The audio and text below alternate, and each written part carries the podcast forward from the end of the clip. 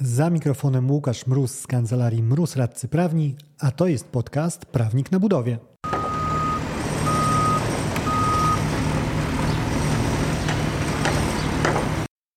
Delegowanie obowiązków to rzecz piękna, chwalebna i godna naśladowania, dlatego postanowiłem wykorzystać owo delegowanie także przy tworzeniu tego podcastu.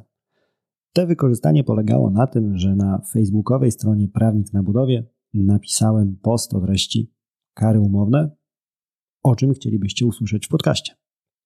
Wrócił z tego feedback, feedback, który stał się kanwą tego odcinka, więc o karach umownych w kontekście Waszych pytań dziś porozmawiajmy. Za mikrofonem Łukasz Mróz, a to jest podcast Prawnik na budowie.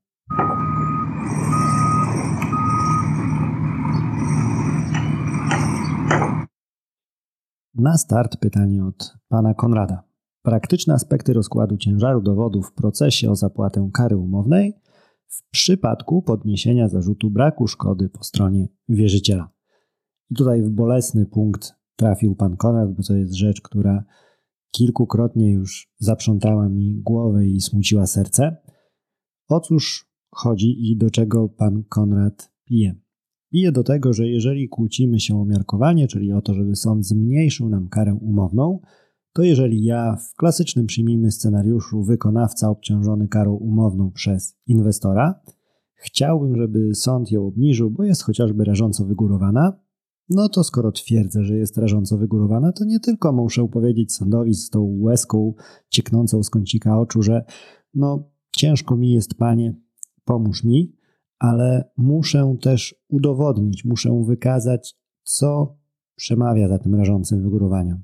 I tutaj takim klasykiem gatunku jest brak szkody bądź bardzo znikoma szkoda, na przykład po stronie inwestora, w związku z tym, że dajmy na to nie w terminie wykonałem roboty.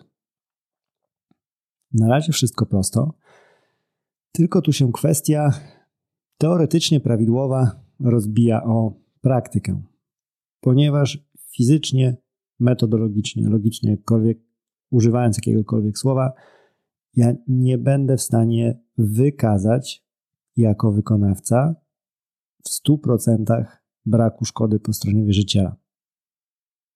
Dlaczego? No, wrzućmy to na konkretny przykład. Jestem gościem, który robi jakiś tam remont uczelni wyższej. No i laboratoria jakieś tam mm, remontują, jakieś sale dydaktyczne i w procesie twierdzę, że no tutaj żadnej szkody w ogóle nie było, bo chociażby tutaj mam dowód nagrania, że prace miałem poukładane tak, że studenci w tych salach dydaktycznych nadal mogli korzystać, no bo tam rotacyjnie ich przerzucali to tu, to tam i okazało się, że suma summarum to nadal sobie e, się uczyli. Na co wstaje Zamawiający mówi, Wysoki Sądzie, ale nie udowodnił wykonawca, nawet przyjmując ok, że tu ma rację, ale nie udowodnił mi, że ja chociażby nie poniosłem szkody polegającej na tym, że laboratorium inne musiałem podnająć w innym budynku, bo z tego laboratorium, które było objęte robotami, korzystać nie mogłem. Bo ok, sale dydaktyczne były w porządku, ale laboratorium nie zostało udowodnione. I tak na dobrą sprawę, ja jako wykonawca żeby skorzystać z tej drogi miarkowania, musiałbym umieć, umieć wyobrazić sobie wszystkie potencjalne szkody, które ponieść mógł zamawiający, i później je krok po kroku każdą z nich udowadniać, jako że tej właśnie nie poniósł.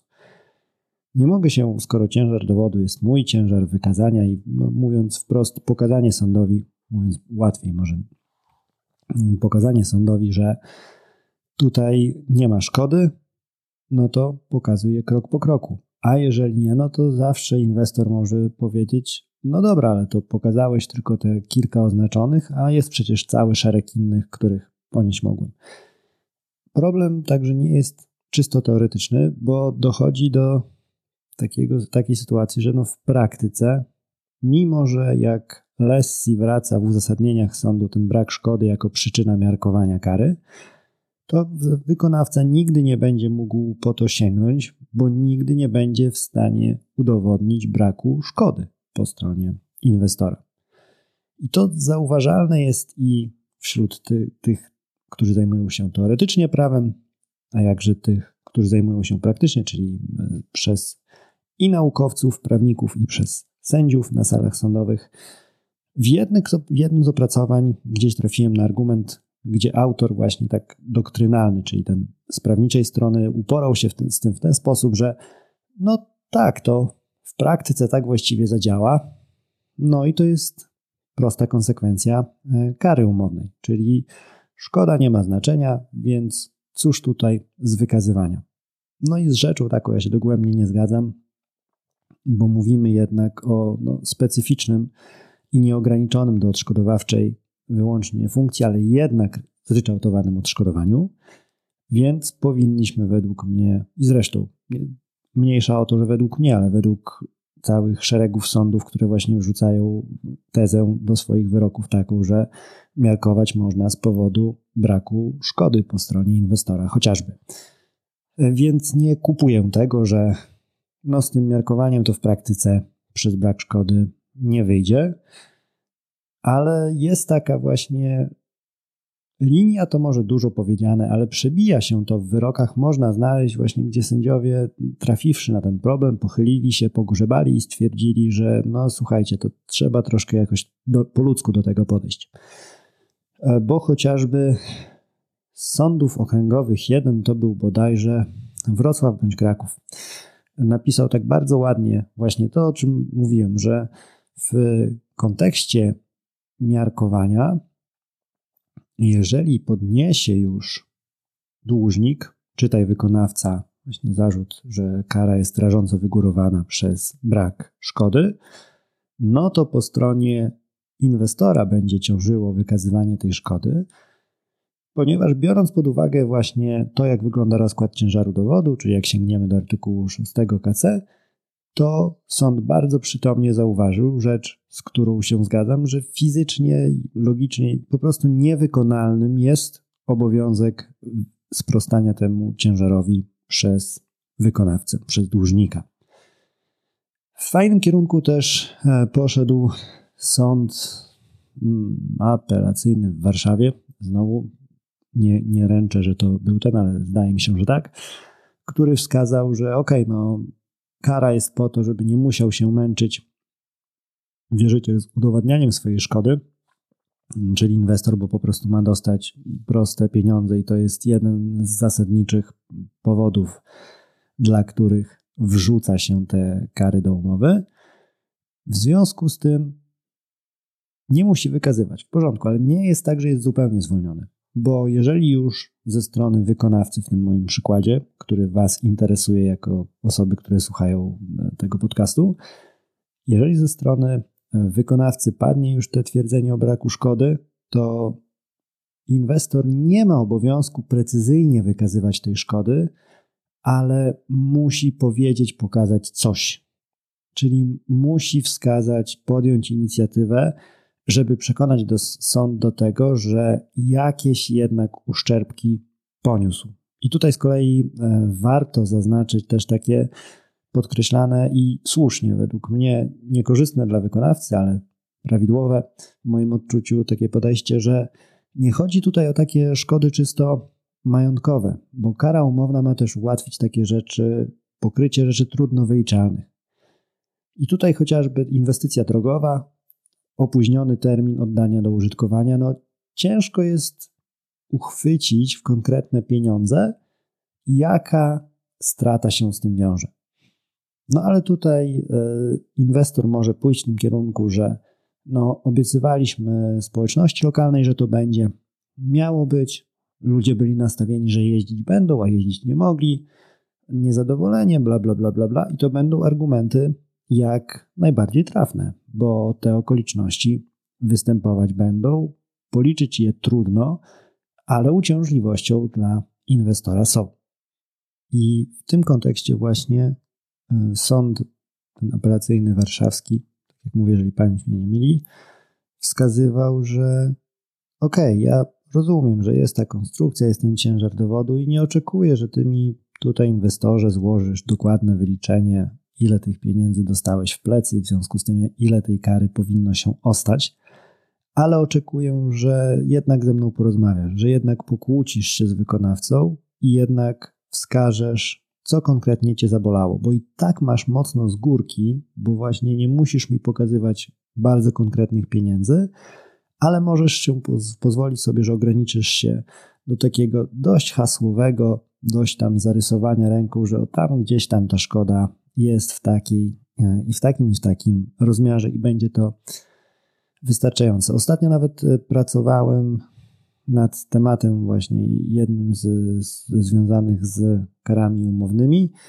i ten wątek e, też troszkę pobocznie wszedł mi przy analizie orzecznictwa, przeglądając wyroki, akurat trafiłem na takie, gdzie było to poruszane i w kilku apelacjach nawet widziałem takie zastrzeżenia, gdzie sądy, powiedzmy, nie robiły może z tego wprost istoty rozstrzygnięcia, nie siadały wprost na tym, ale gdzieś tam między wierszami wskazywały chociażby, że e, podniósł wykonawca, że inwestor nie poniósł szkody, a inwestor się do tego nie odniósł, czy nie zdołał wykazać, że jednak ta szkoda była.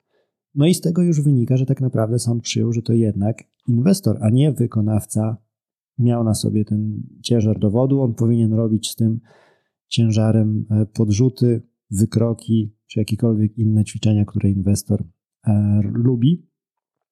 Czyli w praktyce to on powinien udowodnić, że jakąś szkodę poniósł, a nie wykonawca miałby udowadniać, że szkody nie było. I teraz tak, jak sam to oceniam, no podpisałbym się pod tym, wydaje mi się, zdroworozsądkowym podejściem. Czyli wrzucenie takiego ścisłego tego ciężaru dowodu, tak jak on wygląda w świetle przepisów na wykonawcy, sprowadziłoby się do tego, że ta przesłanka do miarkowania w postaci braku szkody wyleciałaby za okno. Ona według mnie jest bardzo potrzebna. W kontekście rażącego wygórowania powinna być absolutnie brana e, pod uwagę, żeby nie dochodziło do bezpodstawnego zarobku po stronie inwestora na karze umownej. I okej, okay, możemy sobie jakoś tam układać teoretyczne podwaliny, teoretyczne teorie, ale jeżeli okazuje się, że one w praktyce wielkiej wartości nie mają i mogą być gdzieś tam ciekawostką akademicką, no to dla mnie to pokazuje, że to nie jest kierunek, w którym powinniśmy iść i ktoś pobłądził w rozumieniu tej instytucji. E, dlatego tą drogę to nie jest ścieżka, którą sam bym podążył.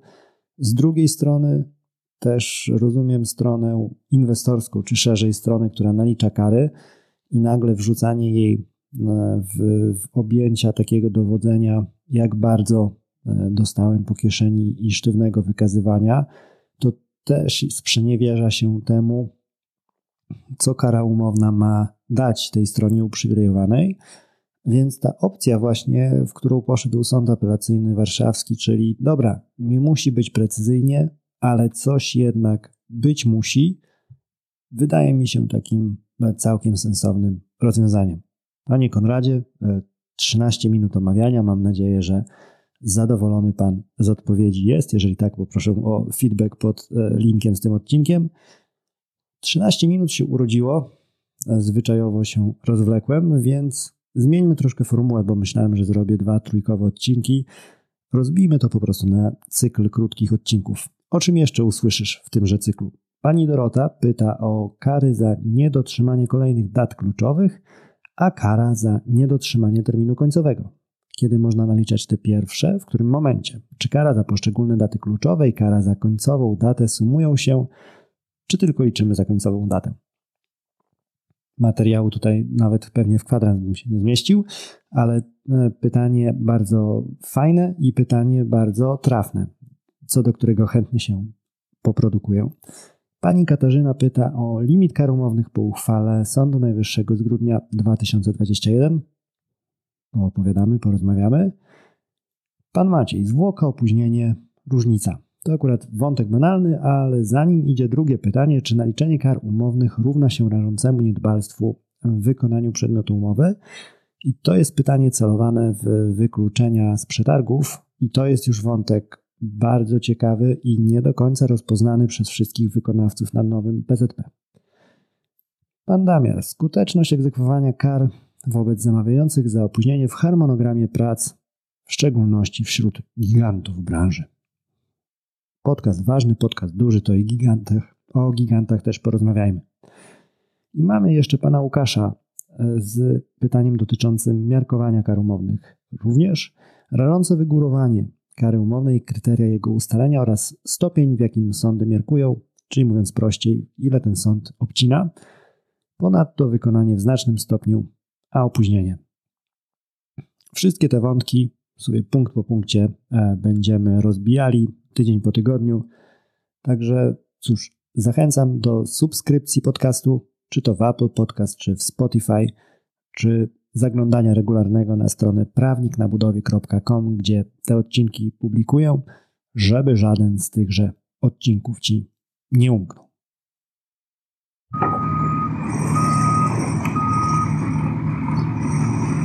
Dzięki za odsłuchanie tego odcinka. Jeżeli chcesz się ze mną skontaktować, możesz napisać na biuro małpa albo zadzwonić na 577 665 077. Znajdziesz mnie też w mediach społecznościowych. Na LinkedIn jako Łukasz Mróz, a na TikToku, Facebooku i Instagramie jako Prawnik na Budowie.